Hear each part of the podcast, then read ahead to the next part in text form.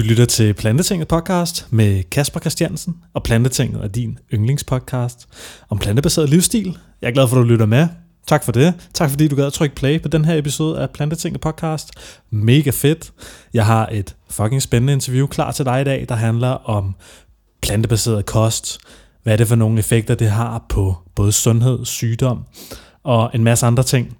Det glæder mig til at præsentere for dig lige om lidt. Men allerførst, der skal jeg lige først gøre noget reklame for Grim, som er Danmarks bedste bæredygtige madspildsbekæmpende virksomhed. De laver frugt- og grøntkasser, som de sender lige til din dør. Og det Grim gør, det er, at de aftager frugt og grønt fra de danske marker, som landmændene ikke kan bruge, fordi de er for grimme, eller fordi de har nogle pletter, eller fordi de ikke lever op til de krav, som supermarkederne har omkring salg af de her produkter her. Så det kan være krumme agurker, eller, eller det kan være nogle andre standarder, som de her grøntsager ikke lever op til. Og dem tager Grim altså og putter ned i kasser og sender lige til din dør. Og jeg ved, Grim de har holdt en lille pause her hen over vinteren, men fra den 29. januar, der begynder de at sende madkasser ud igen. Og det du skal gøre, hvis du gerne vil have en madkasse med rabat, så går du ind på eatgrim.dk. Det er altså e a t g r i m.dk. Og når du går ind på deres hjemmeside og bestiller en kasse, så bruger du koden plantetinget i checkout. Og det er altså plantetinget med store bogstaver. Så sparer du 20% på din første frugt- og grøntkasse lige til døren. Og jeg ved, Grim, de leverer kun i Storkøbenhavn, i Københavnsområdet, øh, og de udvider meget, meget snart, så det er jeg sikker på også kommer med. Så det er for københavnerne det her. Udover det, så har vi også nogle andre rigtig, rigtig søde sponsorer. Vi arbejder sammen med Dressed by Plants. Der har vi også en rabatkode til deres webshop med økologiske Fairwear t-shirts. Vi arbejder sammen med Greeners. Der har vi også en rabatkode med plantetinget. Der sparer du 10% på alt ikke nedsat varer. Vi har et affiliate link til Greenspeak, Danmarks velgørende teleselskab. Jeg har også et samarbejde med Mr. Plant Power Superfoods. Går du ind på earthlead.dk, og det staver du altså E-A-R-T-H-L-E-T-E.dk. Går du derind, så kan du bruge koden POWER 2019 i checkout, så sparer du altså 20% på alle Mr. Plant Power Superfoods, og det er mega nice. Og du kan selvfølgelig også altid støtte min podcast på det, der hedder Tier. Fordi hvis du synes, at Plantetinget er den fedeste podcast, og du synes, det er nice, og du ikke gider at høre så mange reklamer, så kan du altså gå ind på plantetinget.tier.dk og støtte mig derinde. Og du bestemmer selv, hvilket som helst beløb, du støtter med. Og når du støtter Plantetinget podcast på Tier, så kommer du med i den eksklusive lukkede gruppe, Plantetingets Rødder, der har jeg snigpremiere på de nyeste podcasts. Du kan følge podcastens udvikling, og øh, jeg prøver ligesom at få lidt gang i noget brainstorm og noget idé-generation, og bare sådan, så folk kan komme en lille smule tættere på podcasten og se, hvad det er, jeg laver. Så jeg håber, du har lyst til at støtte podcasten på planetinget.10.dk. Vi uh, snakker med en masse spændende mennesker, som har noget viden inden for plantebaseret kost og inden for alt, der handler om planter. Og i dag har jeg været så heldig at få besøg af den plantebaserede sygeplejerske, Stig Ladefod. Velkommen ja. til. Tak skal du have. Har du det godt? Jeg har det fremragende.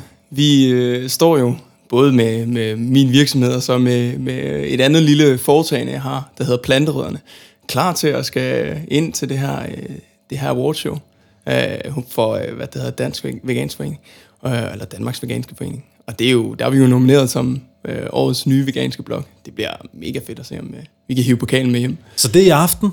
Det er i aften. Og øh, hvis der sidder nogle folk derude, jeg har jo, jeg har jo inviteret dig ind, ja, primært fordi du har lavet en, øh, en super fed bacheloropgave, som ja. vi skal til at snakke om lige om ja. lidt. Ja.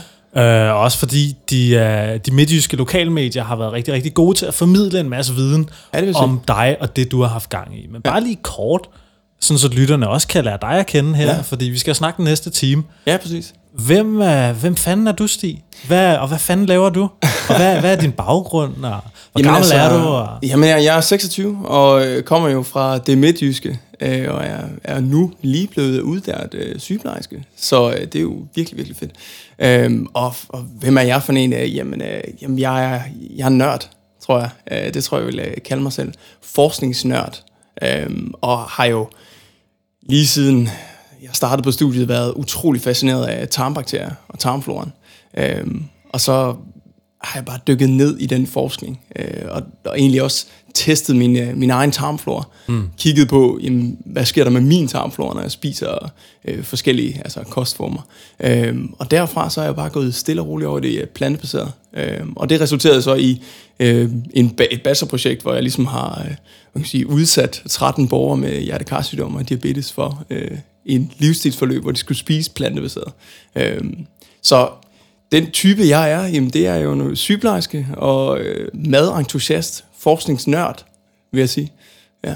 Og, og der er din kompagnon i bloggen ja. Planterødderne. I laver ja. også nogle madworkshops. Ja, lige præcis. Vi øh, startede i sommeren 2017, der øh, hævde jeg fat i ham, og så sagde jeg, at jeg har læst alt den her svedige forskning om øh, plantebaseret mad, og vi har lige så stille lavet den her, øh, den her ændring til plantebaseret kost. På baggrund af det, øh, skulle vi ikke lave nogle, nogle madværksteder, hvor vi viser folk, hvor, hvor sundt og, og smagfuldt det er at leve plantebaseret. Øh, og så startede vi stille og roligt med at lave de her madværksteder, øh, en hver måned. Og øh, til at starte med, der var vi jo nødt til at hive fat i venner og familie og sådan noget. Øh, og hæve 12 ind. Øh, og lige sådan der, der er det bare fløjet afsted. Mm. Øh, nu har vi udsolgt hver evig eneste gang øh, 20 mennesker øh, en gang om måneden. Og øh, det er så fedt. Altså, ja. Og folk er ellevilde. Øh, ja. Og får opskrifter med hjem, så de kan gå hjem i eget køkken og, og ligesom fortsætte den grønne livsstil. Mm. Så det er super fedt. Um, og det lavede vi jo så, altså stille og roligt fik vi jo, inviterede vi, vi jo vores venner til den her blog, um, og så fik vi lidt mediedækning på det, og lige siden der, så er det bare eksploderet. Nu har vi næsten 2.000 likes på, på blandrødderne, og ja, der blev udsolgt det på få timer, uh, og folk er på ventelister og sådan noget, og bliver ved med at skrive til os. Fedt, man. Ja, det går næsten for godt, til mm. vi mhm. kan følge med, ikke? Fedt. Ja, helt vildt. det, mand. Ja. Det og så i Midtjylland, ikke? Det, jo, jo, jo, jo, jo. Ja. men det er jo også, altså, Midtjyderne, de kan også noget. Ja, ja, det de kan, også komme med. Ja, ja. Jeg ved, der sidder også midtjyder og lytter til Planetinget. Ah, fedt. Ellers så kommer de i hvert fald til det, efter du har med. det håber jeg, det håber jeg. Vi prøver i hvert fald at sprede øh, det plantebaserede budskab. Mm. Øhm, og jeg tror, den måde, vi gør det på, øh, er, øh, tror jeg, de fleste folk synes er ret interessant, fordi vi, øh, vi løfter ikke øh, pegefinger. Øh, vi inspirerer til, hvordan man kan leve mere plantebaseret. Øhm, og, og de folk, der er med, det er jo alle, altså alle mulige forskellige folk. Det er øh, nogen, der er veganere, det er også vegetar, men det er faktisk primært folk, der, der bare gerne vil prøve det der plantebaserede kost. Hvad mm. er det for noget? Mm. Jeg tror, der er, det er meget op i medierne lige, øh, lige i mm. tiden. Ikke? Så, øh, og det kan vi mærke. Ja. ja. Hvad, øh, kan du ikke prøve at fortælle mig lidt om, det, kunne jeg, det synes jeg er spændende, ja. og det er noget, vi vender i hvert afsnit af Plantetænder. Ja. Sådan, hvad, du snakkede lidt om, at din indgangsvinkel til alt det her med at spise flere planter, spise sundere, ja. spise mere plantebaseret, det kom fra tarmbakterier og ja. din interesse i det. Ja. Lad os lige dykke lidt ned i det. Lad os gøre det. Og fortæl mig lidt om, hvad er det, hvad var det for nogle ting, der fik dig til at overveje, at det kunne måske være en idé at introducere nogle flere planter i din kost? Jamen altså, øh, forskningen viste jo, at øh, jo flere, jo mere plantebaseret du spiser, des højere diversitet har du egentlig i tarmen. Det vil sige, at du har jo flere forskellige øh, bakteriearter har du inde i tarmen. Og det er jo en af de ting, som vi ved er rigtig, rigtig sunde for vores øh, tarmflora. Det er jo et, et økosystem. Øhm, så hvis man sammenligner det med, med junglen, så er der rigtig mange forskellige arter, og de, øh, de skal leve i symbiose med hinanden. Øhm, og det samme skal vi jo med vores tarmbakterier. Så jeg fandt hurtigt ud af, at det var lidt spændende det der. Vi er egentlig ret afhængige af tarmbakterierne og de stoffer, som de udskiller til vores krop. Mm. Og, og det jeg så øh, dykkede ned i, det var jo de her forskellige forskningsstudier, øh, men primært lavet på mus, ikke? Øh, hvor man havde taget afføring fra overvægtige mennesker og puttet det ind i mus, og så kunne man se, at musene blev overvægtige. Altså det, man kalder for fekaltransplantation. Lige præcis. Og for at knytte en kommentar til det, så øh, synes jeg jo, det her med øh, fekal øh, mikrobiel øh, øh transplantation er så sindssygt spændende. Okay. Så jeg tog til Australien, mm. øh, hvor jeg arbejdede med øh, den førende læge øh, af de her FMT-behandlinger, som man kalder det, øh, og simpelthen gik fuldstændig øh, ned i det øh, felt i løbet af min sygepleje. Så jeg havde mm. tre måneder dernede hos, hos ham. Men før det havde jeg jo så testet min egen øh, tarmflora. Jeg tror, det var der, hvor jeg ligesom begyndte at også se de her studier med, øh, hvor øh, plantebaseret kost ligesom kan fjerne overforkalkning øh, fra hjertet, ikke? Mm. Øh, som er noget, jeg på studiet har lært, ikke kan lade sig gøre, øhm, medmindre du får en operation. Ikke? Okay. Øhm, og, og så, så jeg startede egentlig med at dykke ned i de her studier omkring øh, tarmfloren, og så testede jeg min egen tarmflora. Og hvordan gjorde du det? Jeg øh, fandt ud af, at der var en øh, virksomhed, der hed Ubiome ja. i, øh, i USA, ja, ja, ja. som... Øh, Altså tager øh, alle øh, almene menneskers øh, afføring ind. Det øh, siger de øh, ja tak til. Det er rigtig og, lortarbejde. Ja, det er et lortarbejde, men øh, jeg tror virkelig, de nyder det, fordi de er, de er nogle sindssyge nørder øh, inden for det der område. Ikke? Så de tager folks afføring ind, og så analyserer de det. Mm-hmm. Øh, viser, hvad for nogle bakterier du har i tarmen. Og så fandt jeg ud af, at øh, lige netop den dag, jeg gik ind og kiggede, der var der faktisk tilbud på tre prøver. Og så tænkte jeg, tre prøver? Og med mit forsknings-mindset, øh, så tænkte jeg, ja, jeg skal teste. Jeg skal, jeg skal selv være forsøgsperson på det her. Så jeg tog de her tre prøver, og så lavede jeg en, øh, en baseline, altså hvor jeg simpelthen målte, hvordan ser min øh, tarmflora ud nu. Dengang skal det siges, der spiste jeg måske 80% øh, plantebaseret. Spiste fisk en gang imellem og, og æg, øh, men havde øje for øh, flere bælfrugter, grøntsager og frugt. Mm. Øh, men ikke 100% plantebaseret, som, som man gør nu. Så 80% plantebaseret cirka.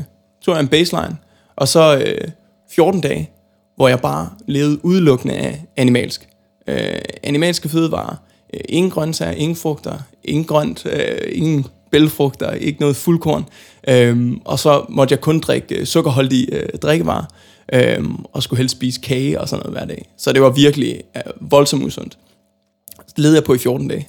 Så tog jeg den anden prøve, øh, og så skiftede over til 80% øh, plantebaseret igen, hvor jeg virkelig prøvede at skrue op for, for det grønne. Mm. Og så tog jeg så den sidste prøve øh, efter 14 dage der. Så jeg fulgte ligesom i 28 dage øh, tarmbakterierne. Og øh, nu kan jeg ikke huske de præcise tal, men jeg tror, jeg lå op på en, en diversitet, altså den her, de her forskellighed, øh, man måler på forskellige bakterier, øh, procent på 86 eller sådan noget til at starte med. Mm. Og så dykkede det helt ned til, øh, til 59 Aha. på 14 dage. Mm. Så bakterierne flygtede øh, fra min tarm, ikke? og jeg smadrede det egentlig øh, økosystemet. Men det, der så var spændende, det var, at ved at skrue op og virkelig koncentrere, øh, koncentrere mig om at få øh, flere hele uforarbejdede plantefødder, jamen, så kunne jeg skrue det op på 93 øh, procent på 14 dage. Så det viser, at, at det er plastisk. Ikke også? Mm. Altså, du kan simpelthen øh, påvirke det, mm. dine tarmbakterier med det, du spiser. Øh, så det var det, jeg fandt ud af på det der. Og så tog jeg så også 5 kilo på øh, i løbet af de der 14 dage. Og almindeligvis så forestiller jeg mig ikke, at... Øh, så jeg har ikke for vane at tage på. Øh, men, øh, men det gjorde jeg virkelig der. Wow, man. Ja. Og så det var, det var rimelig spændende at se. Hold da kæft, mand. Så du, øh, så du prøvede sådan en, uh, en carnivore diet med, ja, ja. med godt med sukkervand og kage til? Fuldstændig. Altså, jeg gik jo all in. Jeg, jeg, jeg, jeg, der gik faktisk lang tid før, at jeg, jeg kom mig øh, efter det. Men noget, der var det sjoveste, det var øh, at mærke de der skift på første dagen. Altså, jeg, jeg havde vanvittig hovedpine, og øh, altså, det, det var virkelig ubehageligt, og var svimmel øh, der den første dag. Mm. Så jeg kunne godt mærke, at kroppen skulle lige vende sig til øh, et enormt sukker- og fedtindtag, wow. øh, som jeg ikke var vant til. Øh, og så fik jeg jo ingen fiber. altså, det var jo uh, fiber deficient. Øh, wow. Virkelig, ja. Så, så øh, og, og på baggrund af det, så, øh, altså jeg har nok, hvad skal man sige, øh, der er mange piger på studiet, ikke? og jeg har nok altid været, øh, været øh, den lidt mærkelige pige i klassen. Ikke? og det kunne jeg forestille mig ja, på sygeplejerske studiet. Ja, og så samtidig ham der, der render rundt og øh, analyserer sin egen afføring. Hvad er han egentlig for en type? Mm. Øh, men jeg, det endte med, at jeg, jeg vil dele viden, øh, den her viden med, med folk, øh, og, og al den her viden omkring øh, tarmbakterier. Så jeg holdt mit første foredrag der øh, efter et år inde i studiet øh, for alle, der havde lyst. Og der dukkede 80 mennesker op, øh, og der kunne jeg godt mærke, at øh, der havde jeg fat i et eller andet. Øh, og, og efter det, så begyndte jeg jo ligesom at læse den her forskning omkring øh, altså plantebaseret koster, hvor særligt de her syvende dags øh, adventister mm. og, øh, og Esselstens, øh, mm. øh, øh, hvad det hedder, vanvittige, øh, interessante forskningsartikler, der viser mm. det her med, at plantebaseret kost kan fjerne overforkalkning. Mm. Og derfra, der, der gik det stærkt. Så tog jeg så til Australien, ned hos øh, ham lægen her, og, og mødte egentlig også dem, øh, der er førende inden for plantebaseret kost i Australien. Øh, og der kørte vi et øh, projekt, der hed Food for Life, hvor, øh, hvor vi simpelthen, altså det var sådan et øh, projekt, de kørte på forskellige øh, virksomheder rundt omkring i, i Melbourne i Australien, øh, hvor jeg så fik lov til at komme med ind og, og, og, og guide folk til, hvordan de skulle leve plantebaseret, og øh, måle puls og blodtryk og sådan noget. Og der var det også sådan en tre ugers forløb, Øhm, og det var egentlig det, der inspirerede mig til at lave mit bachelorprojekt. Mm. Øhm, hvor jeg simpelthen øh, ville øh, altså, samle en gruppe mennesker, der var motiveret for at ændre deres livsstil. Vise dem den her forskning øhm, og så give dem konkrete, øh, altså konkret vejledning og råd til, hvordan de kunne leve plantebaseret i, mm. øh, i 21 dage. Og så fulgte jeg dem, øh, hvor vi både lavede mad, og jeg havde lavet sådan en mobbedreng på 200 sider med øh, opskrifter, råd og vejledning, øh, som de kunne få med hjem. Øh, og så gik de ellers i gang. Og så tog vi jo ja, data før og efter. Ikke? Øh, så jeg har virkelig været sådan nørdet med, med, med forskning, og hvordan man så kan bruge den til at skabe en eller anden form for handlingsorienteret viden, mm. så folk kan tage det med hjem og, mm. og ligesom ændre deres livsstil. Mm. Gør det praktisk, fordi det tror jeg, det er det, der er mange, der har, der har svært ved lige at, jamen, hvordan skal jeg bruge røde linser i min madlavning, for eksempel. Og det, det var så det, jeg, jeg tænkte, det, det kan jeg hjælpe med. Fedt. Ja. Så du har fat i 15 mennesker? Ja. Og ja. lavet en, uh, en tre ugers total kostomlægning, mm. mens du målte på nogle forskellige uh, biomarkører. Ja. Hvad var det for nogle markører, du målte på? Jamen altså, jeg foretog øh, en kropsanalyse, mm. øh, og det er jo så ikke, altså det er jo så øh, bare sådan øh, vægt og forbrænding og kropsalder, den her body age. Øh, mm. Hvor gamle er de egentlig mm. indvendigt? Mm. Øh, og så selvfølgelig øh, fedtprocent og organfedt. Øh, men så også øh, puls og blodtryk. Og, øh, og så kom de jo, inden de øh, startede forløbet, der havde de øh, blodprøver med fra, fra egen læge. Aha. Og så fik de arrangeret sådan, at de kunne få taget blodprøver efterfølgende. Mm. Øh, så vi ligesom kunne sammenligne, hvad der skete med deres, øh, deres kolesterol. Øh, var det særligt, øh, vi kiggede på. Aha. For de fleste, jeg tror næsten, det var så kun 13, der gennemført forløbet, og over 10 var jo så på kolesterolsænkende medicin og sådan noget. Ja. Så, men det skal så lige siges, at jeg anede jo ikke, om folk ville dukke op til det her. Nej, nej. Øh, det var et langskud, ikke? Altså, du lavede en invitation? Ja, jeg lavede en invitation til et uh, foredrag. Kom mm. og hør om, om plantebaseret kost. Mm, mm. Øhm, og, øh, og det er jo det vesttyske, og jeg, jeg må ærligt indrømme, altså det, tarmbakterier, det er måske, det var primært de, mine medstuderende, der kom der. Ikke? Men Aha. nu skal jeg jo ligesom have fat i nogle mennesker, som faktisk havde enten hjertekarsygdom eller diabetes, mm. som havde lyst til at, at gennemgå den her mm. livsstilsændring. Mm. Så jeg inviterede ind til sådan et foredrag. Du kan komme og høre om det. Og efter foredraget, så hvis du synes, det var interessant at høre på mig og forskning, øh, så kan du få lov til at deltage i det her. Øh, det jeg så ikke lige havde regnet med, det var, at der dukkede over 60 mennesker op til det her foredrag, så lige pludselig kunne jeg godt se, først havde jeg sagt, okay, der kan kun komme 10 mennesker med. Mm. Øh, man kan godt se, der var lige pludselig rigtig mange potentielle deltagere her. Mm. Øh, så jeg skal lade op til 15, og tænkte, det, det var det, jeg max kunne, kunne mm. kapere. Mm. Jeg tror, jeg fik 20 henvendelser efterfølgende. Folk, der gerne ville være med. Og så rigtig mange, der skrev, vi vil rigtig gerne deltage, men der er sikkert nogen, der er mere trængende end os, mm. øh, så vi vil bare gerne have det materiale, hvis det er, hvis det er muligt. Okay. Øhm, og så fik de jo så materialet med. Men 15 øh, optog jeg så, og det var så dem, der var mest trængende, kan man sige. Aha. Så gik jeg ligesom ind og lavede en, en øh, inklusion og eksklusion der. Ja. Og så målte vi jo før og efter, og det var helt vildt fedt. Så jeg tænkte på, Stig, vi kan jo lige, uh, vi kan jo lige gennemgå noget af den her data her, fordi jeg synes, ja. det var, det, du sendte det til mig, ja, ja. inden vi uh, aftalte at lave den her podcast. Ja. Jeg synes, det er hammerende spændende, og uh, jeg vil skide gerne gennemgå det sammen med dig. Ja, lad os, så, det. lad os gøre det. Dem af jer, der kigger med på YouTube, uh, de vil i hvert fald ikke kunne se det her. Så jeg tænker på, at vi måske prøver at forklare, hvad det er for nogle figurer, vi ser her på skærmen, Stig. Ja, altså jeg kan se, den, øh, den har ikke fået den der røde streg med, men der skulle helst være sådan en rød streg her ved, øh, ved blodtrykket. Altså det vi ser på den første, det er blodtryksfald. Og der har vi målt på, på det, man kalder systolisk blodtryk, og mm. det er hjertets arbejdstryk. Mm. Det skal helst ikke komme over 140, mm. øhm, og det, det er sådan den røde streg, der burde have været her. Ikke? Mm. Øhm, hvis det kommer over 140, så er du i, i, altså, så er du i kategorien forhøjet blodtryk, øh, og bør egentlig få øh, medicin for det. Øhm, som gruppe, der, øh, der var de på 149 til at starte med. Og det er jo... Øh, altså gennemsnitligt? I gennemsnitligt, okay. ja. Så nogen var jo markant højere, og nogen havde egentlig et, øh, et normalt øh, blodtryk. Mm. Øh, og de fleste var egentlig også i, i behandling for forhøjet blodtryk. Mm. Men alligevel havde de øh, forhøjet blodtryk, til trods for, at de fik medicin for det. Mm. Øhm, og det, som vi så så øh, efter tre uger, jamen, det var, at de egentlig så i gennemsnit øh, faldt, altså gik fra forhøjet blodtryk til, øh, til et øh, almindeligt øh, blodtryk. Det kan altid blive lavere end det her. Og det var øhm, på tre uger, det her? Det er på tre uger. Øhm, og, øh, og det til trods, øh, så var der faktisk også en del, der smed noget øh, medicin. Fordi lige pludselig så sagde de, at altså, det er jo selvfølgelig øh, via egen læge. Jeg har mm. ikke øh, været inde og pille ved deres medicin, det har de selv gjort via okay. egen læge. Så jeg har virkelig også sørget for, fordi jeg ved, øh, kvæg forskning, hvor, øh, hvor hurtigt det kan gå, mm. og hvor effektiv en plantebaseret kost bare er. Mm. Øhm, og de, de kunne jo øh, altså, de kunne øh, smide medicinen og øh, komme ned på et, et, et, øh, et normalt blodtryk. Mm. Det, som jeg synes, der var det vildeste, det kan man også se op i, øh, længere op i dataene. Skal vi lige gå derop? Ja, det synes jeg, fordi øh, det, som jeg lige vil knytte en kommentar til, det det største fald her. Ikke?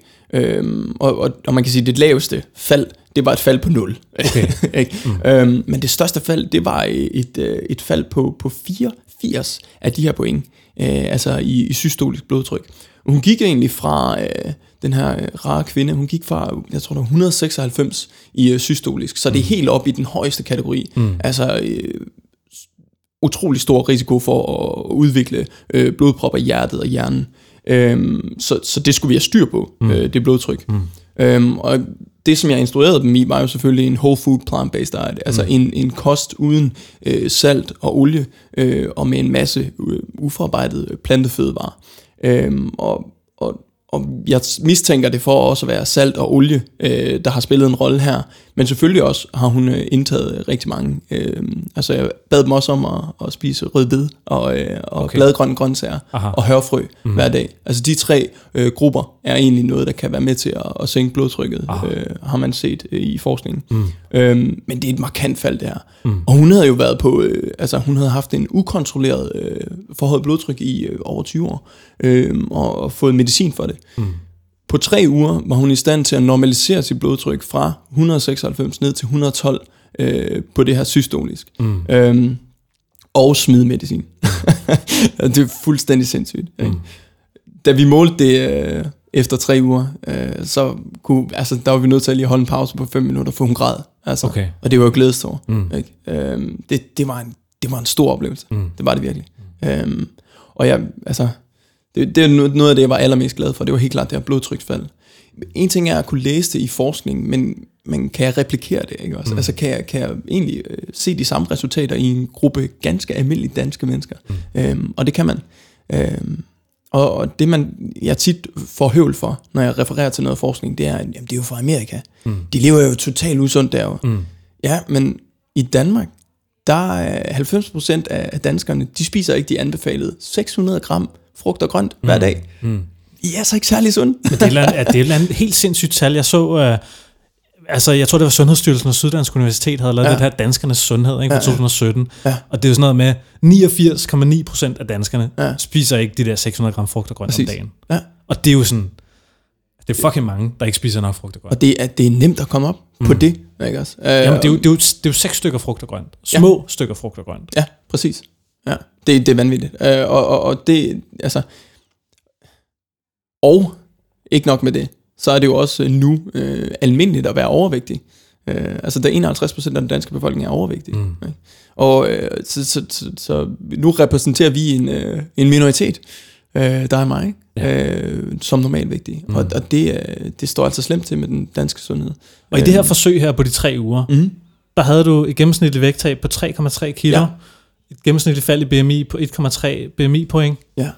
Og, og, øh, og cirka 1% ikke også i, i, i fedtprocent. Ja. Øhm, og så den her metaboliske kropsalder, der blev de også i gennemsnit øh, to år yngre. Mm. Og der er selvfølgelig også nogen, der, der blev øh, endnu yngre end det. Mm. Og, øh, og, og så det største vægttab, det var jo 6,7 øh, kilo.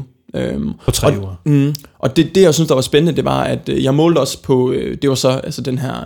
Øh, det her, man kalder adherence, altså hvor meget de har efterfulgt øh, anbefalingerne mm. i procent. Mm. Øhm, og der var nogen, der havde fulgt dem 80 procent, og mm. der var nogen, der havde fulgt dem øh, 5, øh, 90 procent, og nogen, der har sagt 99,99. Mm. At jeg spiser godt nok lige øh, smør på øh, et enkelt stykke robrød en enkelt gang, og det er jeg virkelig, virkelig ked af. Mm. det er helt okay.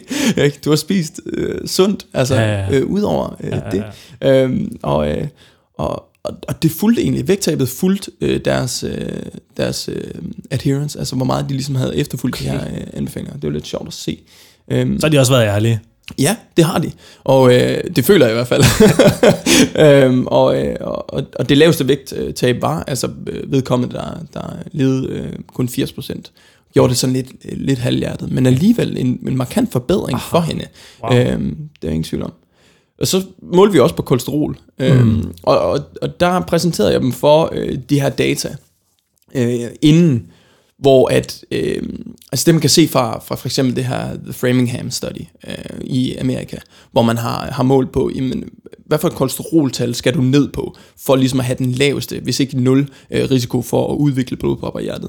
Men det totale kolesterol, du skal ned på, det er 3,8. Mm. Sjovt nok også det, øh, som øh, deltagerne her øh, kom ned på. Mm. Øh, men, men der er langt fra 3,8, og så op til grænsen øh, på 5, øh, hvor man egentlig begynder at få medicin for det. Ikke? Mm. Så det vil sige, der er egentlig et, et, et, et, et, en grænse derimellem, hvor folk har en øget risiko for øh, blodpropper i hjertet, men de får ikke noget øh, medicin eller nogen anbefaling øh, mm. omkring, hvad de måske skal spise. Øh, så det prøvede jeg også at forklare dem inden. Men de faldt jo fra, fra 4,2 til, til 3,8 øh, på de her tre uger. Øh, og nogen selvfølgelig markant mere end andre. Men det er jo generelt et, et lavt kolesterol, mm. ikke også? Vil, vil man mene. Øhm, men, men hvis vi skal kigge på Framingham øh, Study og, øh, også uh, The China Study, øh, hvor, hvor de også kigger på regioner af, flere hundredtusind mennesker, øh, som lever plantebaseret, og hvor der ikke uh, rapporteres nogen blodpropper i hjertet, øh, jamen, de har et på 3,9, ikke? så vi skal derned omkring. Øh, det, det er der i hvert fald en indikation for. Og så det, det samme, hvad er det her? Det er så totalt kolesterol. Og ja, det her, lige det præcis. Den har rykket sig lidt, kan jeg se. Det er super godt, uh, det her Word, når man er ja. overfører, så bliver det bare knivskarpt. Uh, LDL-kolesterolen, som er det her, man kalder det farlige, eller det lede mm. kolesterol, ikke? Uh, det er, det er jo den, den førende risikofaktor for, for blodpropper i, i hjertet også. Mm. Um, og, og der skal du også helst ned på, på 1,8, som mm. sjovt nok er det, de også lander på øh, efter de her tre uger. Um, også bare lige for, for lytternes skyld, der mm. kun sidder og lytter med på podcast her. Ja, altså ja. det vi sidder og kigger på nu, det er sådan to søjlediagrammer. Ja, ja. Et søjlediagram, hvor du viser, at deres total kolesterol er faldet fra 4,2 til 3,8 ja. på tre uger. På tre uger, ja og deres lede kolesterol, dårlig kolesterol, LDL, ja. er faldet fra 2,1 til 1,8. Ja, det er jo på tre uger. På tre uger, ja. Og, og, og vil de fortsætte, jamen øh, så vil det øh, falde yderligere, hvis de havde forhøjet kolesterol. Mm. Men det vil stabilisere sig øh, deromkring, øh, måske lavere. Mm. Øh, men, og, og det gjorde jeg selvfølgelig meget af at mm. fortælle dem, at øh, jamen, øh, det her det er jo ikke en kur. Øh, det er jo selvfølgelig en livsstil. Mm. Øh, men det er i vælger selv, om, om I vil leve 100% blandebaseret. Øh, det er bedre end, end 90. Mm. Øh, men hvis I lever 80% blandebaseret, så er det også bedre end 70. Mm. Ikke? Så det er hele tiden der med, at, at finde jeres balance i det. Mm. Øh, og, øh, og det, det tror jeg virkelig, de, de tog til sig. Mm. Jeg har mødtes med dem efterfølgende også. Vi har fået en rigtig god kontakt i den her, i den her gruppe. Mm. Øhm, og de holder fast. Altså, øh, wow. Op til de her 80%. Nogle af dem, de siger, ah, ved du hvad, så en gang imellem, så så spiser jeg altså om søndagen en skive ost eller noget æg. Mm. Øh, eller når jeg er ude, så tilvælger jeg måske noget kylling. Men det mm. andet fylder meget mere på min tallerken. Øhm, og det synes jeg også, det er, det er et sundhedsbevidst valg, mm. øhm, som de har fået ud af, af de her tre uger. Ikke? Ja. Du skriver også her, at du siger, at de rapporterer bedre søvn. Ja, ja. Og øhm, mere energi, ja. simpelthen. De to ting hænger jo lidt i, i forlængelse af hinanden. Ikke? Ja, det er klart. Øhm, men, men øh, der var en, der, øh, altså der, der er nogle rigtig fine anekdoter fra, fra det. Øh, der var en, hun havde ikke sovet godt i, øh, i otte år, og så sagde hun, efter en uge, jeg sov tungt. Wow. Altså, hvor hun bare sådan, det, det, var det kosten uh, all along, ikke? Altså, det har hele tiden bare været kosten, mm. uh, der skulle reguleres på, for hun kunne sove godt. Mm. Øhm, og så en, der, uh, der ligesom siger det her med, at hun fik mere energi. Hun, lige pludselig så kunne hun faktisk begynde at anlægge terrasse, øh, hvor hun havde ikke haft overskud i hverdagen, mm. på baggrund af det, hun spiste. Og en gammel dame, der, fordi lidt længere nede kan jeg skrive det her med, at vi målte os på smerteniveau, øh, ja. og fire af dem havde faktisk kiksmerter. Mm. Øhm, og der måler man i sygeplejen på sådan en skala, smerteskala fra mm. 1 til 10. Mm. Øhm, og der lå de gennemsnitligt på, på en, et smerteniveau på 5, mm. øh, midt på skalaen der. Og faldt egentlig alle sammen ned til, øh, til 1. Mm. Øhm, og det er, det, det er virkelig pænt. Øhm, og den her ældre dame, hun fik jo, hun sov bedre om natten, hun fik mere energi, mm. men hun fik også færre smerter. Mm. Ikke? Så det, og, og man kan sige, hvis man skulle have kureret det, øh, eller behandlet det med medicin, så skulle du måske have to-tre forskellige medicamenter, ikke? Mm. fordi man symptombehandler, og, øh, og kigger kun på, på én faktor. Har du for højt kolesterol, skal du have kolesterolsænkende medicin. Mm. Har du for højt blodtryk, skal du have ja, medicin til det, ikke også? Øh, men det her det er, er, er så behandlende mm. øh, for hele kroppen og helbredende. Øh, så de kan smide medicinen samtidig med, at de, øh, de får mere livskvalitet. Ikke? Og øh, det, det synes jeg, det var helt fantastisk. Den her gamle dame, hun sagde, Stig, du skal se mig.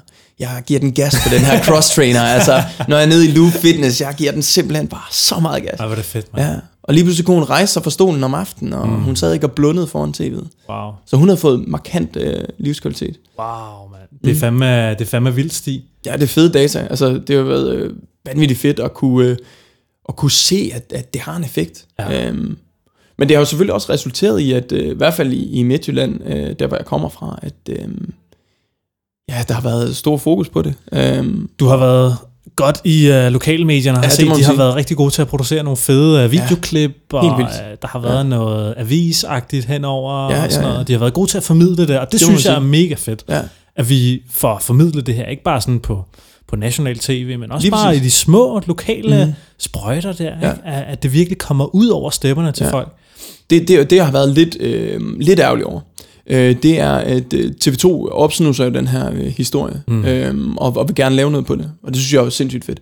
Øh, men, øh, men, men øh, altså, det, det er jo fint, at de øh, ligesom fortæller den her historie, særligt fra, øh, fra øh, Peder her, som øh, er, øh, er ham, der bliver fuldt i det her klip fra TV MidtVest. Ja, det har med, Øhm, med den hvide skjort der. Med Ja, ja, ja, lige præcis. Han tabte de der øh, 6,7 kilo. Mm. Der bliver fokuseret meget på hans vægttab, men ikke på hans øh, blodtryksfald og hans kolesterolfald. Okay.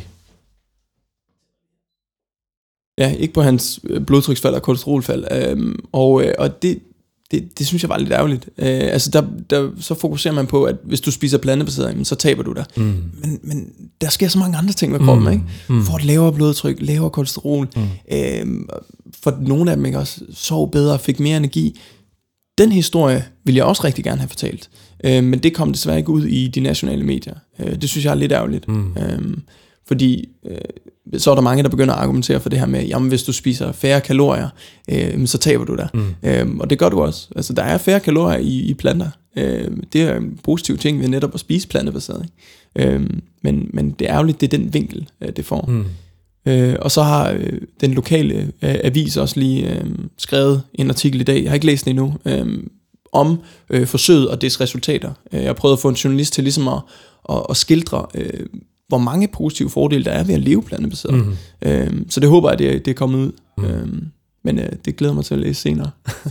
Det er, det er det helt store mediemaskineri, og det var blandt andet også derfor, jeg etablerede plantetinget i sin tid. Også fordi Ja. jeg synes, vi skal have fokus på de her ting. Jeg Ja. synes, det er fucking vigtigt. Ja. Også bare, at vi som interesserede danskere og borgere Ja. kan, vi kan virkelig dykke ned i det her. Ikke? Mm, mm. Fordi det er, det er lidt ærgerligt, der sidder nogle, øh, nogle journalister derude og lige, lige beskærer Ja, din, dit arbejde så meget, så det lige passer ind i, Ja. i deres egen vinkel. Ikke? Fordi det, altså, øh, det er jo så den sidste data, som jeg ikke har nævnt. Det er jo det her med, at, at øh, altså 56% af dem, der var i medicinsk behandling, de kunne reducere deres medicin mm. på tre uger. Mm. På tre uger. Mm. Ikke? også? Det er Altså, det, det, det er helt vildt. Ja. Øhm, og, og det er jo selvfølgelig på baggrund af det her øh, blodtryksfald.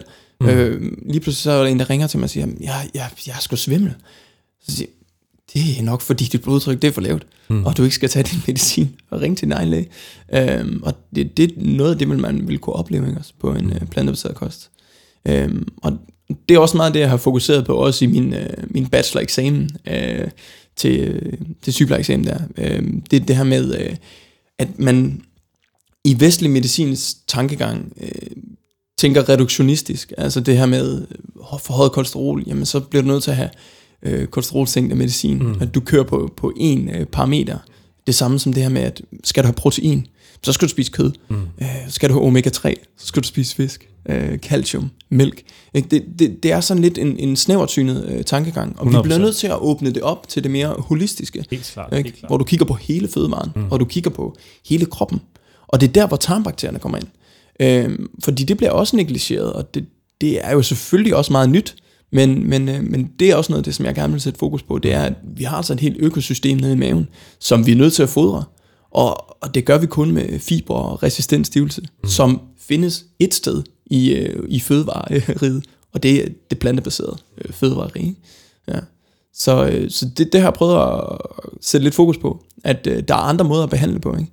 Og øh, jeg ved ikke, om du har set øh, det her øh, med Dean Ornish, og det her med Jo, jo, med livsstilsmedicin, den her med turn off the faucet, mm. hvor øh, altså, man kan sammenligne det lidt med den her vandhane, der, øh, der flyder ned i, i en vask, der flyder over, og lægerne øh, er så øh, repræsenteret med mopper, mm. som står og mopper øh, hvad det hedder, vandet op. Øh, mm. og, og livsstilsmedicin, vi går hen og, og forsøger at slukke for vandhanen, mm. og, og gå efter årsagen til, at problemet kom i, i første omgang, i stedet for at symptombehandle.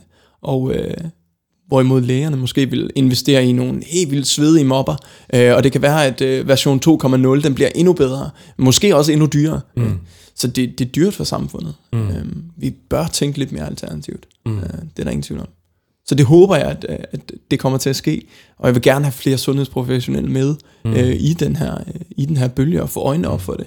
Øhm, det kan jeg mærke, der er lidt lokalt. Der begynder at komme en, en interesse Fedt. blandt øh, de sundhedsprofessionelle der. Fedt, fedt, Men, øh, fedt. ja. Jeg ved også, der lige øh, for nylig er blevet etableret et dansk selskab for livsstilsmedicin. ja, Ja. Og øh, dem skal jeg faktisk have med i næste podcast. fedt. Med, Det, må du, det, det skal jeg lige... øh, det skal du lige, det det skal skal du jeg tjekke ud.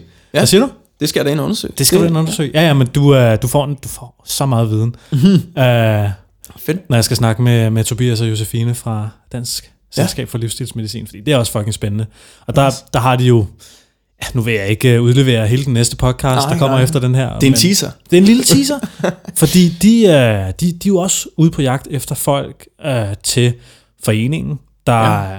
der også forstår, eller i hvert fald er med til at arbejde på den måde, som, som du også anskuer Ja, livsstilsmedicin Fedt. på, Ja. eller helbred og sundhed Ja, på. ja. Ikke? ja, det er det. Så det er radikalt anderledes. Har du fået noget, har du fået noget sådan kritik for det her? Ja, altså man kan sige, at øh, kritikken er, at der ikke er en kontrolgruppe. Mm. øh, lidt svært at få stablet på benene Mm. øh, for, for sådan en som mig. Øh, men, men der kan man argumentere for, at de er, deres, øh, de er lidt deres egen kontrol. Ikke? Mm. På en måde. Øh, men ellers ikke. Jeg synes faktisk, det har været... Øh, nu har jeg ikke været inde og læse øh, efter sine, så fik jeg at vide af min øh, svigermor, du skal altså ikke gå ind og læse på TV2-nyhederne, fordi der er altså rigtig mange kritikere. Men de har også kun fået det her vægttabs-historien. Øh, historien. øh, de har ikke fået alle de andre mm. positive indvirkninger, det her forsøg havde. Øhm, så øh, ud fra det, der var i TV MidtVest, og, og den vinkel, de ligesom har, har anskuet, jamen, der er kun kommet positive henvendelser. Mm. Og jeg var lagt ned, de, altså tre dage efter, at øh, udsendelsen gik, øh, gik i luften. Fordi folk kontaktede mig. Mm. Jamen, kan du hjælpe mig? Ikke? Øh, Og der er rigtig mange derude.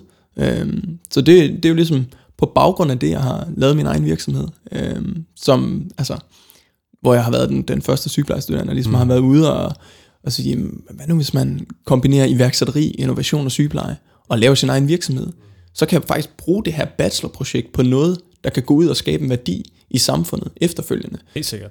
Og jeg har jo hele tiden frygtet, at øh, mit bachelorprojekt bare vil blive ligesom alle de andres. Mm. ikke? Altså noget, man ikke kan bruge til noget. Du laver det, putter det måske i skuffen, og så går du ud og udøver din sygepleje et eller andet sted. Hvor jeg har tænkt det lidt anderledes. Jeg tænkte, øh, jeg skal bruge den her tid, jeg har til at lave noget, der kan skabe en reel værdi, og så sætte den her forskning i, i spil, øh, og gøre det håndterbart. Ikke? Ja. Stig, hvorfor, øh, hvorfor lige øh, sygeplejerske studiet? Ja.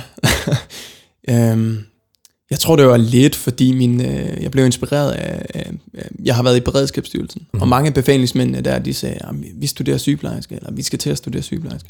Og jeg sådan tænkte, at det er sgu da et kvindejob, er det ikke? Mm. Øhm, og, øh, og ja, der er mange kvinder, øh, det fandt jeg ud af. Øhm, min kusine er så også, øh, hun startede så også på sygeplejestudiet, og så til sidst, så tænkte jeg, nu går jeg sgu lige ind og læse om det. Mm. Og da jeg læste om det, der tænkte jeg bare, det her, det er mig.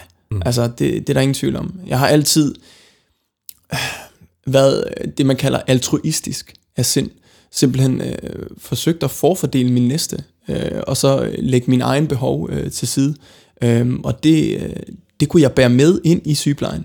Øh, og og det, det er nok derfor, jeg blev ved. Øh, fordi undervejs i studiet følte jeg lidt, åh, oh, det, jeg skal passe på med, at jeg siger det her, men jeg tror ikke, der er nogen af mine undervisere, der hører det. Jeg har kedet mig lidt. Mm. Øh, fordi jeg også havde den her meget, øh, altså en stor interesse i øh, ernæringsvidenskab, øh, og var en, en kæmpe nørd. Øh, men men jeg, jeg har måske manglet lidt, øh, at der gik, blev gået lidt mere i dybden med det, mm. øh, og de her lidt mere alternative måder at, at tænke på.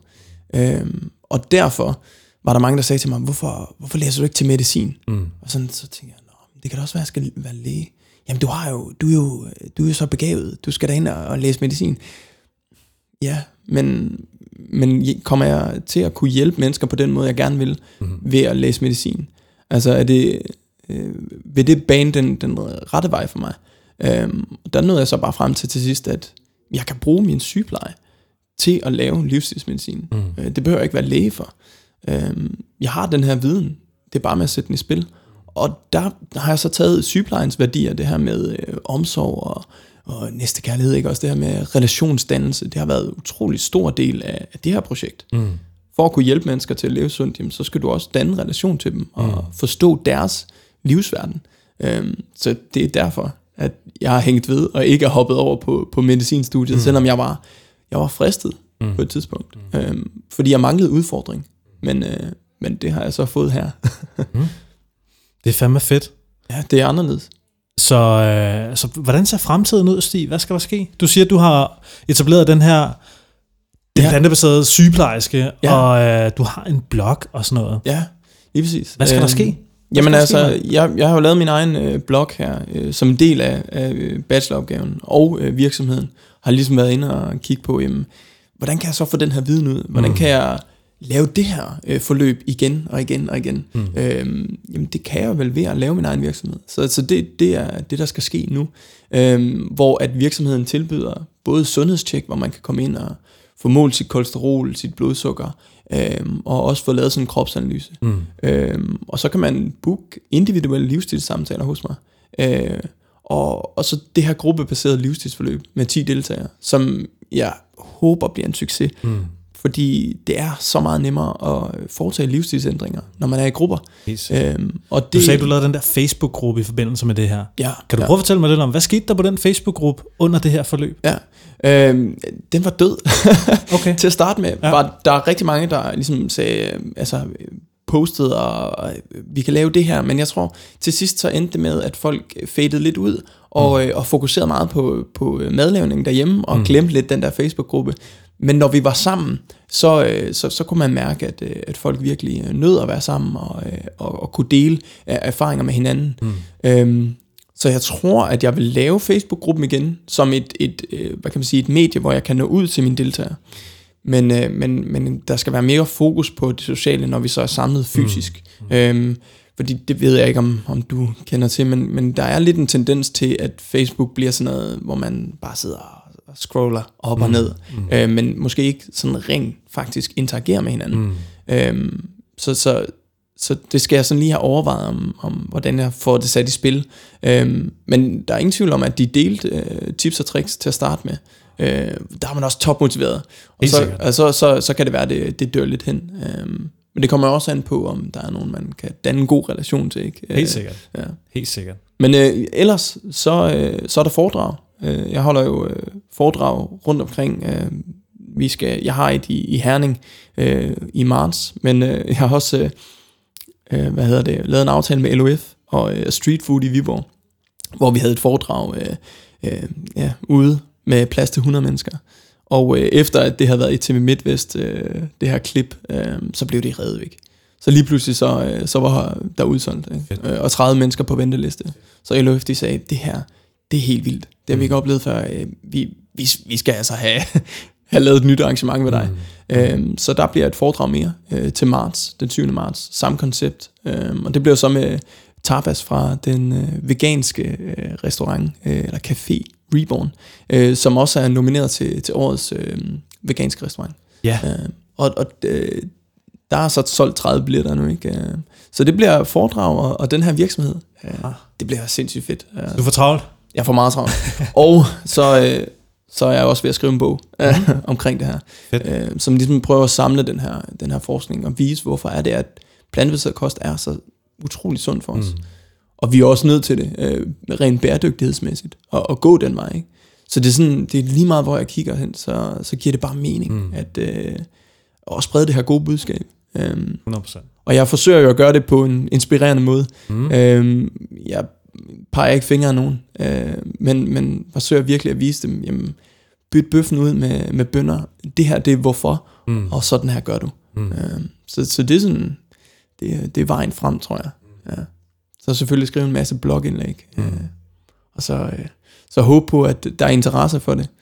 Skulle det hele gå galt, så må jeg arbejde som sygeplejerske. Det, Det er heller ikke det værste i verden. Det er et fantastisk job. Uh, altså, det er der ingen tvivl om. Jeg har også fået vikarjob, som jeg kan supplere op med ved siden af. Ah, okay. Ja, ja. Fedt. Men uh, uh, allerførst så skal jeg lige ud og rejse her til februar. Åh, hvor skal du hen? Uh, Bali Mm. og, uh, og Gili og Lombok. Uh, ned og dykke og surfe og vandre i naturen. Uh, Det lyder fucking Ja. lækkert. helt vildt. Ja, det beklager jeg. Nå, jeg er Ja. fan, altså. Ja, ja, ja. Jamen, jeg, jeg, lige inden at øh, virksomheden sådan for alvor går i gang, så, øh, så er jeg nødt til at lige at, at slappe lidt af med, med min kæreste. Jeg har haft meget at se til, så øh, nu skal Ja, der være tid til ja, os. Øhm, så, Jamen, det kan jeg selv huske, da jeg også færdiggjorde min bachelor. ja. Ja, det var sådan, jeg skal bare væk. Jeg skal Ja, bare væk. Jeg ja. kan ikke mere. Jeg har virkelig også været træt. Men, Ja. ja. øh, men, men igen, som, altså, som vi også har snakket lidt om, det her med, at, at jeg er bare drevet af den her motivation, mm. og jeg vil gerne have den her viden ud, øh, for at, at hjælpe folk. Øh, for der er mange, der sidder ude og, og ja, hopper måske på en low carb, high fat, øh, eller det her keto diæter. Mm. Øhm, det, Lad os lige snakke lidt om det. Hvorfor, ja. hvorfor mener du ikke, at, at det er ønsket, ønskværdigt? Jamen altså, vi har været lidt inde på det her med, øh, med tarmbakterierne. Mm. Øh, utrolig vigtigt for os, og, mm. og de, de har brug for, for kulhydrater. Ikke? Mm. Øh, vores primære energikilde i kroppen også er jo øh, altså kulhydrat. Mm. Øhm, og, og spiser du ikke kulhydrat, går over på en keto-diæt, jamen så vil din øh, lever bruge, øh, altså gennemgå den her øh, biokemiske proces, der hedder glykoneogenese, mm. hvor det simpelthen tager fedt øh, eller protein, det der du har i blodet, og omdanner det til, øh, til sukker, mm. fordi du har brug for sukker. Ikke? Øh, og, øh, og, og de forskningsstudier, der kommer ud nu, øh, viser jo, at, at øh, de her low carb øh, kultur, jamen, øh, eller folk, der spiser low carb, jamen, de har jo omkring 30% øget risiko for, for tidlig død mm. af enhver årsag. Mm. Altså, de lever kortere liv, øh, så det, jeg vil stærkt fraråde det. Samtidig så er der jo forskning, der viser, at folk, der hopper på low carb high fat, det kan godt være, at du ser nogle positive ting i forhold til vægttab. Øh, det kan også godt være, at du får øh, et meget lille fald i kolesterol, og dit blodsukker, det er tit det, de spiller på at det bliver stabilt. Mm. Men øh, det, der simpelthen er, er problemet med det, jamen det er jo, hvis du kigger på karne, vores øh, blodkar, vores arterier, jamen øh, så bliver de faktisk øh, stivgjort, ligesom hvis du ryger en smøg for eksempel. Mm. Øh, det er meget, meget usundt for vores, øh, for vores kredsløb. Og i forhold til sådan noget som diabetes, det er jo tit det, de siger, at øh, diabetikere bør spise på den her mm. måde. Jamen, der er jo den her forskning, der viser, at spiser du rigtig meget mættet fedt, jamen øh, så falder din øh, insulinfølsomhed. Det vil sige, at cellerne kan simpelthen ikke øh, reagere på insulin. Øh, men grund til, at de ser positive effekter, det er fordi, de ikke spiser noget kulhydrat. De må spise 30 gram kulhydrat ikke, for, for, om dagen, og det er ingenting. Øh, så vil du ikke se en stigning i blodsukker. Og det er positivt. Nej, det er det faktisk ikke. Fordi det, som vi ved med diabetes, det er jo, der er det her øh, øh, cellefedt i, øh, i lever og muskler, som netop øh, går ind og blokerer det her signal øh, for insulin. Så, øh, så hvis, hvis man, man kommer bare til at bygge det her cellefedt op, så hvis du lever på en keto-diæt, og så måske går over og spiser en cookie eller et eller andet med, med, med hvad det hedder, forarbejdet sukker i, jamen øh, så vil dit blodsukker flyve op. Mm. Øh, simpelthen fordi du bliver ved med at pøse til problemet. Mm. Hvorimod at hvis man spiser plantebaseret og lav på fedt, øh, særligt animalsk fedt, jamen øh, så vil du egentlig begynde, hvis du har type 2 diabetes, at udrense dig selv for det her øh, øh, intramyocellular lipids, som det hedder, altså cellefedt. Øh, det vil du begynde at rense ud, og så vil du få et langt stærkere signal til din insulin. Så behøver din bugspytkirtel heller ikke at producere så meget insulin, øh, og i sidste ende, så vil du få et, øh, et bedre langtidsblodsukker. Så den korte effekt af det her, øh, de her low carb, high fat, øh, i forhold til diabetes, kan måske se ud som om, at det er rigtig positivt fordi dit blodsukker det falder rigtig hurtigt. Men den langtidige øh, effekt er, er simpelthen øh, altså, øh, virkelig øh, farlig for dig, øh, mm. fordi du netop opbygger bare mere og mere af det her øh, cellefedt. Mm. Øhm, det er super, super farligt. Mm. Øhm, og så ved man jo også, at, øh, at det giver, altså det, det sidste argument, tror jeg, jeg vil bruge her, det er de kulturer, som øh, lever længe, Øh, og som øh, altså de her blue zones, for eksempel Okinawa, der spiser de 96% plantebaseret. 70% af deres kost, det er søde kartofler. Mm. Ikke? De lever af kulhydrater. Mm. Øh, og, øh, og så er der syvende dags adventisterne, hvor man bare kan se, at vegetarer og veganere i den her gruppe af syvende dags adventister, de, de lever længere, de er sundere, færre kroniske sygdomme.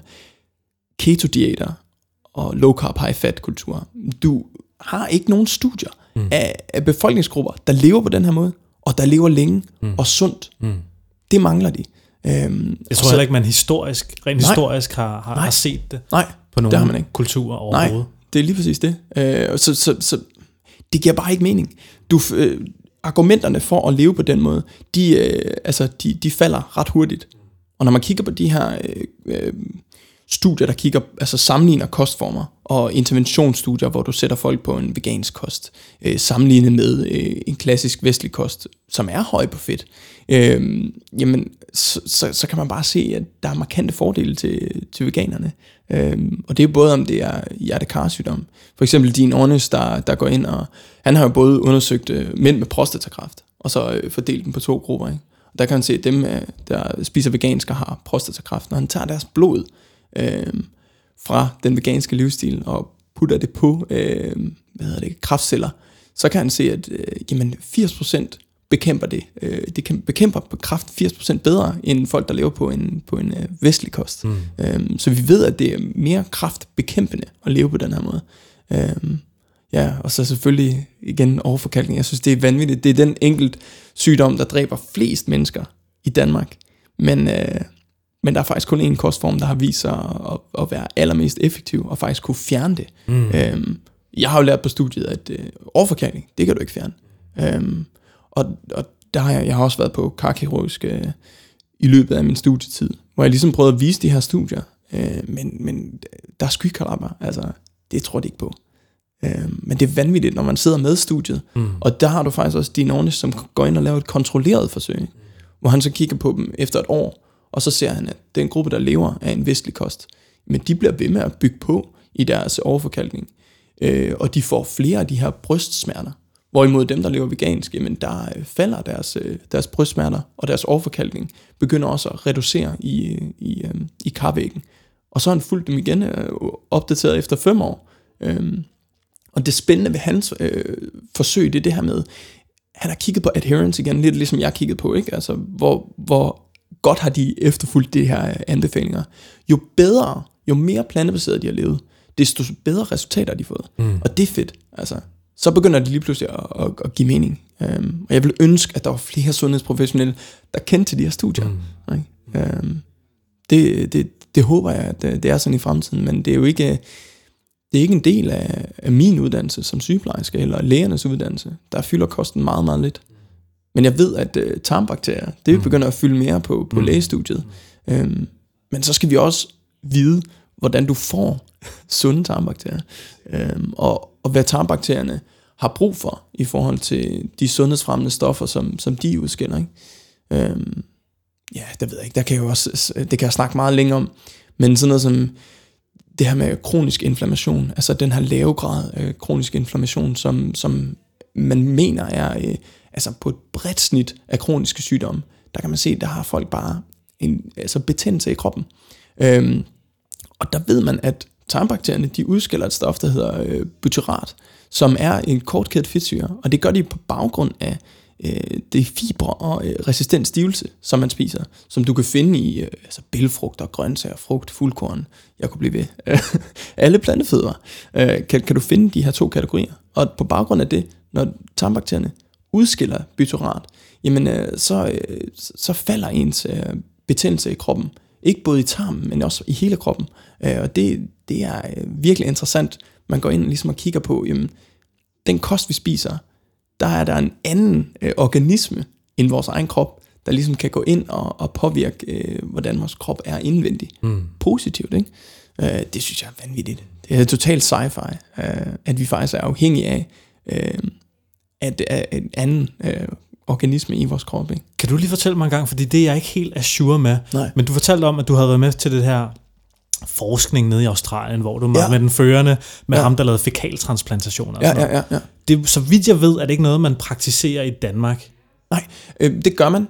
Øh, men det er i, øh, i, for, øh, i forhold til øh, Clostridium øh, difficile, øh, eller difficile, der er mange måder at sige det på, øh, infektioner. Det er sådan en, en tarminfektion. Øh, og den, den, altså, ja, det bliver nok nødt til at sige, men man kan faktisk øh, få så meget diarré, at øh, du kan dø af det. Øh, så du skider dig selv ihjel. Og det er, øh, jamen, det er vanvittigt. Det er ikke særlig sjovt. Det er faktisk ikke særlig sjovt, men, men, men, men, men det, er, det, er, det, det er det, der sker. Og, og det er meget, altså antibiotika er super ineffektivt mm. i forhold til at slå den her ned. Mm. Øh, der har man så fundet ud af, at øh, i sådan 95% af tilfældene, hvis folk får øh, afføringstransplantationer, jamen øh, så kan de faktisk blive øh, kureret i 95% mm. af tilfældene. Det gør man i Aarhus, jeg tror også, man gør det øh, på Hvidovre øh, okay. Hospital. Ja. Men, men øh, og er begyndt sådan at undersøge i forhold til de her inflammatoriske tarmsygdomme, jamen øh, om, om man kan overføre, altså transplantere øh, afføring. I Australien, der er de, øh, jeg ved ikke om de er lidt længere, men i Danmark, der er vi jo selvfølgelig vi er meget opmærksom på, at der kan også godt være nogle bivirkninger ved det her, og vi er nødt til også at være sikre på, at, at, øh, at man ikke bare går ud og, og tilbyder det til Gud og hver mand, øh, fordi nu det her bare et øh, vidundermiddel. Mm. I Australien har de ikke øh, de samme regulativer. Så, øh, så, så ham jeg var øh, nede hos, det var en privat praktiserende. Okay. Og, øh, og dernede, der øh, giver de det jo både til øh, øh, autisme og multiple sklerose, øh, som kan, hvor de kan se en, en forbedring i deres øh, mobilitet. Øh, altså sklerose er jo en, en, en nervesygdom, hvor, øh, hvor ens, eller en, en autoimmun sygdom, hvor at immunforsvaret ligesom begynder at bide i, øh, i vores øh, nerver, sådan at det ikke kan sende øh, optimale signaler rundt i kroppen. Øhm, og så henfalder det stille og roligt. Øhm, der har man set, at hvis du giver en afføringstransplantation, så kan det faktisk have en virkning. Men du skal have top-ups. Mm. Altså det vil sige, at du skal have det i øh, kontinuerligt. Aha. Og det, det bliver ret dyrt øh, i sidste ende. Aha. Men det vildeste, vi øh, oplevede dernede, øh, det, jeg ved ikke, om du har hørt om det, men der er den her øh, forbindelse mellem øh, tarmen og hjernen. Øhm, og det er virkelig, virkelig interessant. Mm. Øhm, der, der begynder man også at undersøge, at hvis du spiser en kost, jamen, så kan du stimulere dine tarmbakterier, der kan stimulere din hjerne. Ikke? Øhm, og det er igen øh, en helt ny måde at tænke øh, sundhed på. Øhm, men dernede, der havde vi faktisk en, en herre, der kom ind. Han havde, øh, han var, havde eget firma og en succesrig herre, øh, men han var simpelthen begyndt at, at blive depressiv og suicidal, og så har han begyndt at drikke øh, fået trang til, til, til at simpelthen at, at slå de her øh, trælse tanker øh, ned med, med alkohol. Og, øh, og da han kommer ind, øh, der er han blevet henvist af en, øh, en psykiater, der ligesom har sagt, vi ved simpelthen ikke, hvad vi skal gøre med ham. Mm. Øh, vi, har, vi har prøvet alt. Øh, måske kan vi prøve med øh, afføringstransplantationer. Man ved, at hvis man overfører øh, afføring fra øh, depressive mennesker til mus, øh, og måler inden det på, hvordan de bevæger sig rundt i en labyrint, og så efter de har mm. fået afføring fra en øh, mm. depressiv, så kan man se, at deres bevægelsesmønster er fuldstændig indskrænket, øh, og de er ikke lige så opsøgende. Øh, så, så der ved man, at afføring fra depressive patienter, det kan påvirke mus øh, negativt. Og øh, så, man, så man ved, der, der er en sammenhæng. Mm. Øh, men den her herre, han fik øh, 10 afføringstransplantationer, øh, og efter det, han smed sin medicin. Han var ikke længere suicidal. Han havde ikke trang til, til alkohol. Øhm, og han var tilbage på arbejdsmarkedet. Det er vanvittigt. Mm. Altså, øh, det, det var sådan, og de havde kun haft fire patienter med, øh, med øh, depression dernede, og øh, i tre ud af fire så de faktisk en, en forbedring. Mm. Øhm, så det, det er super interessant. Det tror jeg, der kommer mere af i fremtiden. Mm. Det er jeg ikke i tvivl om. Ja. Måske, må man håbe. Måske. Altså nu, øh, nu vil jeg ikke sidde og være sådan super duper konspiratorisk, men, men der sidder jo en medicinalindustri. Ja, ja. På en stor bunke penge, ja. på en stor bunke interesser og, og lobby og sådan noget. Ja. Hvordan tror du, det vil udvikle sig? Oh, Set i forhold til, at vi, vi, har nogle, uh, vi har en masse interesser. Ikke? Mm. For eksempel, nu, nu snakkede du om diabetes. Ikke? Altså man kan sige, Novo Nordisk, de har jo en, uh, en stor hånd under den danske økonomi. Ja. Ikke? Ja. Så Jamen altså, der, der er ingen tvivl om, at øh, det, altså, det, jeg laver, og den forskning i livsstilsmedicin, den, øh, den bliver holdt nede på en eller anden måde. Ikke? Mm. Øhm, den, den når ikke helt frem i, i lyset, og jeg, det er jo konspiration, altså det er virkelig en konspirationsteori. øh, øh, jeg, altså, jeg ved ikke om, øh, fordi det jeg ved, det er for eksempel i Amerika, mm. øh, har jeg hørt, at øh, når nye læger, de, øh, de bliver udklækket, så kommer de til de her messer, mm. hvor at øh, medicinaleindustrien, de ligesom øh, viser deres produkter. Hvis de så sælger øh, det her medicin jamen, øh, til en vis, øh, altså en, vis grænse, eller sælger et vist antal, jamen, så får de tilbudt rejser og mm. bonusser mm. og alt sådan noget. Mm. Jeg, jeg ved ikke, om det sker i Danmark, det håber jeg virkelig ikke. Ja, også lidt andet marked i Danmark, ikke? Det må man sige. Øhm, men, men, men det er bare for at sige, at, at derover der, der er medicinalindustrien virkelig mm. øh, fremme i skoene. Mm. Øhm, ja, jeg ved ikke, om jeg har så meget at sige til det. Nej, okay. altså, det, det, det, det er noget, jeg selv, hvor jeg selv ved, at for eksempel sådan noget som æggeindustrien og mælkeindustrien mm. og sådan noget, de er jo, er begyndt at sponsorere sindssygt mange forskningsstudier, mm. Mm. som uh, skal få deres produkter eller øh, deres uh, fødevarer til at, at, at se lidt bedre ud, end de mm. reelt set er. Mm. Øhm, og det tror jeg da også er, er noget, en taktik, som man bruger i, i medicinalindustrien. Mm. Men der er ingen tvivl om, at til kroniske sygdomme, jamen der, der er der, altså der er medicin, medicin meget øh, ineffektiv. Øh, igen, det symptombehandler. Man går ikke efter årsagen. Øh, og det er jo fordi, man tænker i de her reduktionistiske øh, baner, altså at har du for højt kolesterol, skal du have kolesterolsænkende medicin. Det går ind og, og påvirker øh, noget i leveren. Ikke? Altså det enkelte små enzymer, øh, der ligesom går ind og bliver pillet ved. Hvorimod at jamen, spiser du øh, sunde fødevarer, der ligesom har fiber, plantestoffer og øh, vitaminer og mineraler med sig i en samlet pakke, øh, jamen, så kommer du til at ligesom, påvirke multiple øh, organsystemer og tarmbakterierne. Ikke? Så, så, så, øh, så jeg tror heller ikke, at medicinalindustrien er så interesseret i at, at ligesom, øh, få den øh, meddelelse ud. Øh, men, men forhåbentlig i, i fremtiden tænker man måske medicin på en ny måde. Mm. Ikke? Og, og det er også derfor, at, at sådan noget som øh, de her afføringstransplantationer, de begynder at komme med ind. Øhm, antibiotikaen virkede ikke til de her tarminfektioner, mm. men det gør det andet. Skal vi så vælge øh, antibiotikaen, fordi at, øh, der måske er et dansk firma, der producerer den her antibiotika, og vi så kan få en samfundsgevinst den vej igennem? Mm. Eller skulle man vælge det, der rent faktisk øh, virker og har færre bivirkninger? Øh, jeg ved godt, hvad jeg vil vælge. Mm. Men... Øh, jeg tror, vi lige så stille tager, tager sølvpapirshatten af igen. Ja. Og så, og så øh, snakker lige uh, lidt færdigt her til sidst. Ja. Jeg synes, uh, jeg synes, det er et fedt projekt, du har lavet. Jeg synes, det er super spændende og nice, og, ja. og jeg ønsker dig alt muligt held og lykke med tak. både den plantebaserede sygeplejerske ja. og planterødderne til de veganske priser i aften. Ja, forhåbentlig vinder vi. Det... det når du lytter til den her podcast der, så har det været i går, så, så har vi svaret. ja, ja. Og så øh, ja, selvfølgelig madværkstederne også, som I ja. også fortsætter med i planterådene. Ja, der skal det jo siges, at, at øh, vi havde jo øh, tre madværksteder, som blev øh, udsolgt i løbet af no time. Det er jo øh, det er altså vildt nok. Det er 60 mennesker, øh, der øh, har været inde og sige, det vil vi gerne mm. øh, inden for, for øh, 24 timer. Ikke? Øh, så, så nu skal vi have slået de næste tre madværksteder mm. op for foråret, og må ikke også de bliver revet væk. Så, ja.